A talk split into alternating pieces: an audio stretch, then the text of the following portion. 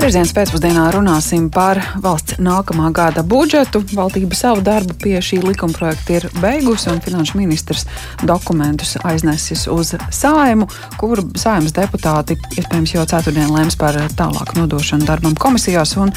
Varētu būt, ka pēc valsts svētkiem nākamā gada budžets arī tiktu apstiprināts. Gatavojot raidījumu, sazvanījām saimas šīs dienas viesi finanšu ministru Jāni Reiru. Par budžetu arī viņam vaicājām, atgādinot, ka saimnes priekšsēdētāja budžetu ir nodēvējusi par solījumu pildīšanas budžetu.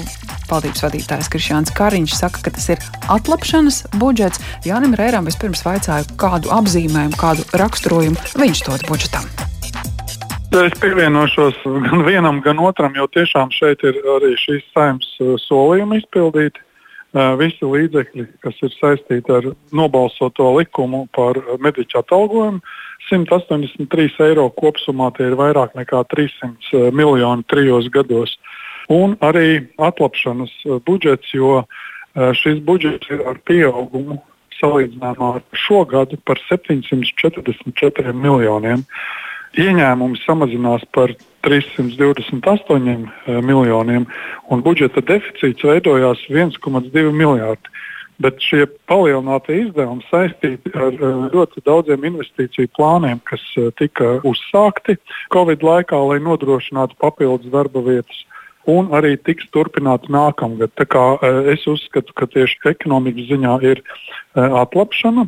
Un mēs esam uzsākuši ļoti ilgu ceļu, bet ļoti vajadzīgu darba spēka nodokļu samazināšanu vispārējā režīmā strādājošiem. Šogad tas ir par vienu procentu punktu. Sociālās iemaksas tiek samazinātas pusprocents darba devēja pusē un pusprocents darba ņēmēja pusē. Un arī mēs palielinām neapliekamā minimuma maksimālo robežu no 1200 eiro līdz 1800 eiro, kas praktiski izlīdzina mūsu konkurētspēju ar Lietuvu ekonomikas konkurētspēju atalgojuma ziņā. Un produktīvajā galā, kas ir apmēram virs 1000, 1200 eiro, mums ir pat nedaudz zem eh, Lietuvas eh, rādītājiem. Līdz ar to mēs eh, esam spēruši pirmo soli samazināšanā. Un, ja pildīsies prognozes darba spēka nodokļu ieņēmumu un sociālo iemaksu ieņēmumu ziņā, tad uh, mēs arī turpināsim to nākamgad un aiznākamgad. Mhm. Tātad trīs gadu uh, plānā ir uh, pilnībā nodrošināt šo konkurētspēju nodokļu lietās. Arī man ļoti tuvajā sociālā jomā ir labi lēmumi, vairāk nekā 100 miljonu apjomā kas ir saistīti ar GMI palielināšanu, ar minimālās pensijas palielināšanu, ar uh, invaliditātes uh, pensijas palielināšanu, arī pensionāriem indeksācija, kas ir uh, šogad jau no šī mēneša ir uzsākusies, ir iekļauta visa indeksācija nākamā gada budžetā. Tā kā šie līdzekļi ir. Jā, un es ceru, ka tas novedīs pie tā, kas tiek prognozēts ka Latvijā nākamgad būs nu, straujākā Baltijas e, izaugsme. Bet šīs prognozes bija balstītas uz iepriekšējiem makroekonomiskiem rādītājiem. Es domāju, ka mūsu budžets nodrošinās vēl e, straujāku šo izaugsmu un arī darba vietu rašanos. Mm -hmm. Jā, tiesa, no rīta ceļā uz sājumu jūs pavadīja kultūras darbinieku protests, un viņi uzskata, ka tās izmaiņas, kas gaidāmas nākamā gada nodokļu izmaiņas, viņu situāciju būtiski pasliktinās. Ko varat atbildēt viņiem, vai varbūt aicināt saimas deputātus meklēt kādu citu risinājumu šajā sakarā? Tātad eh, pirmkārt eh, tas, ka cilvēki speciālos režīmos nav pasargāti no sociālajiem satricinājumiem, tas tika apliecināts Covid laikā. Tātad mēs atceramies šīs diskusijas sabiedrībā, tika vainots parlaments, tika vainots viss par to, ka ir tāda situācija, ka ļoti daudz cilvēku sociāli nav aizsargāti. Mēs e, patreiz šo plojam. Un gribu atgādināt, ka lielākā daļa, četras piekdevis no jaunām iemaksām, kuras nav stipri palielinātas, nonāks sociālajā budžetā. Tas nozīmē, ka cilvēkiem uzkrāsies gan pensiju kapitāls, gan arī pakalpojumi, sociālai pakalpojumi, kas tiks uh, sniegti. Jo patreizajā situācijā uh, šie uh, uzkrājumi nu, tuvu nulē. Līdz ar to tas ir ļoti svarīgs uzdevums. Bet mēs jau arī runājam ar nozarēm, ar kultūras ministriju, ka mēs meklēsim veidus, kā atbalstīt un palīdzēt, bet nejaucot šo nodokļu sistēmu. Un ir arī jāsaka, ka šie režīmi alternatīvie ir gan kaimiņu valstīs, un nu, viņi ir stipri augstāki nekā mēs tagad piedāvājam. Un arī ar pašreizējo piedāvāto likmi viņa ir vairāk nekā divas reizes zemāka nekā cilvēki, kas maksā vispārējā režīmā. Ja, piemēram, medmāsa, viņai līgums ir 800 eiro, tad viņai uz rokām paliek stipri mazāk līdzekļu nekā tādiem pašiem strādājušiem ar tādu pašu atalgojumu, kas strādā alternatīvajā režīmā. Un nodokļos tiek nomaksāts ne jau divreiz vairāk, bet trīsreiz vairāk uh, uh, līdzekļu. Uh, līdz ar to šī situācija ir jālabo, un uh, mēs to uh, arī uh, uzsāksim. Uh, mēs esam arī padomājuši par situāciju, kad piemēram gan pašnodarbinātie, gan alternatīvie režīmi, kur nav attaisnojošie dokumenti jāvāc, tas praktiski ir nu, šis apgrozījuma nodoklis. Ja cilvēks nav spējīgs nopelnīt vairāk, tad ar sociālā dienesta atzinumu tāda situācija ir iespējama. Un tad nebūs jāmaksā minimālais sociālās iemaksas, bet no tās summas, kas uh, ir nopelnīta. Bet šeit ir vajadzīgs uh, sociālā uh, dienesta atzinums. Mm. Jo nu, piekrītiet man, ja cilvēks spējīgs mēnesī nopelnīt 100 vai 150 eiro tikai, un ja viņam vēl ir bērni apgādībā, tā ir ļoti liela sociālā problēma.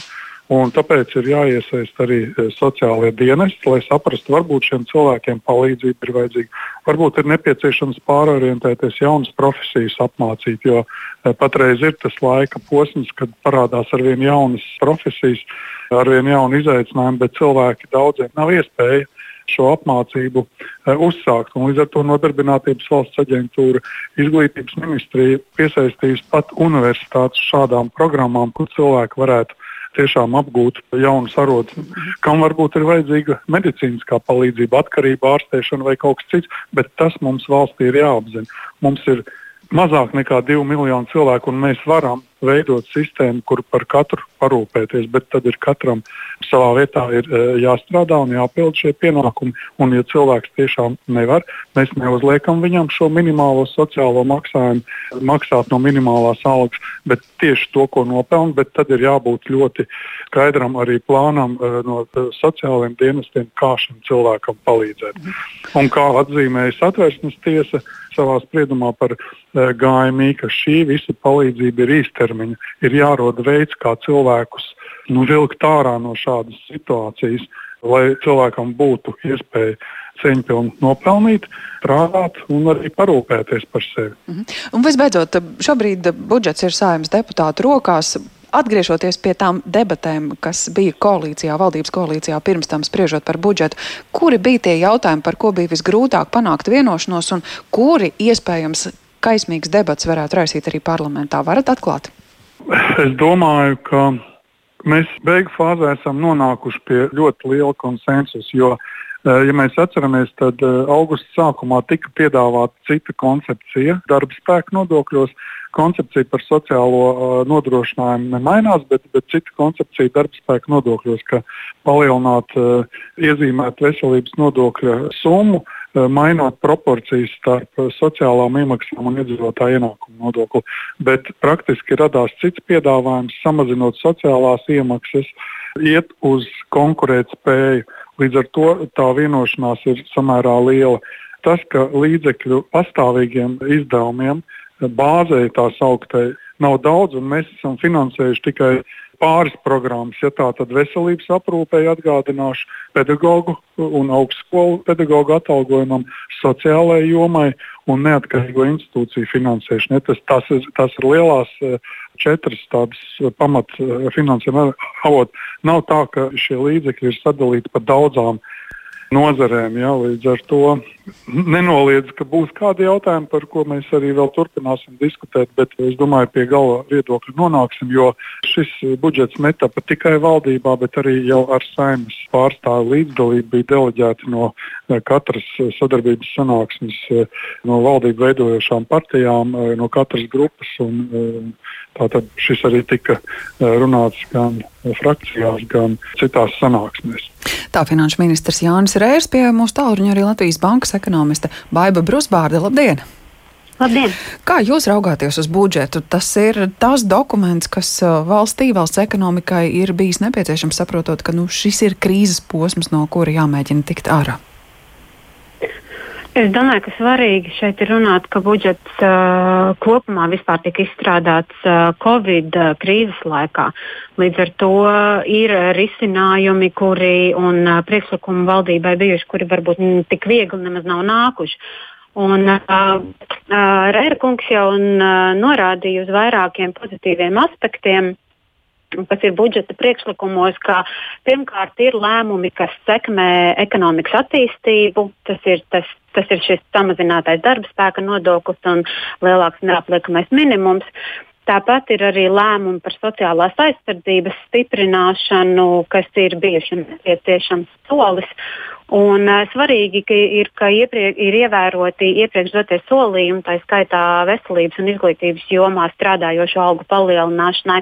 Un kopumā jāsaka, ka uh, iespēju robežās valdība ir bijusi arī fiskāli atbildīga, jo salīdzinājumā ar priekšlikumiem augustā budžeta bilances un deficīta novērtējumu, tas nav pasliktinājies. Lai gan priekšlikumi ir mainījušies, tas nozīmē, ka uh, valdības priekšlikumiem ir bijis kompensējošs raksturs.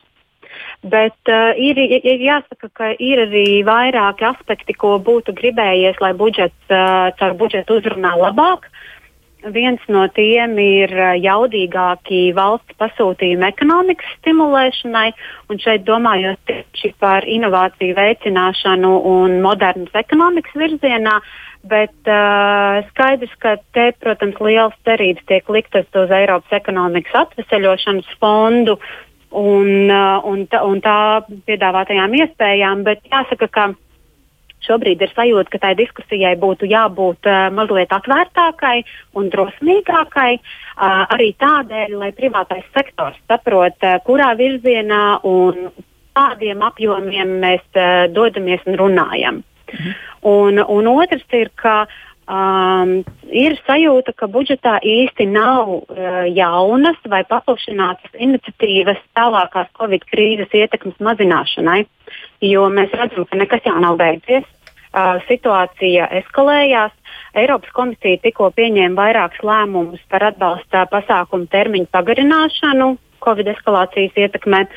Un, uh, ir sajūta, ka mazliet pietrūkst tāds fokusēts vai mērķtiecīgs atbalsts īpaši tiem uzņēmējiem, kuriem līdzinējā darbība ir viņu vienīgais uh, ienākumu avots.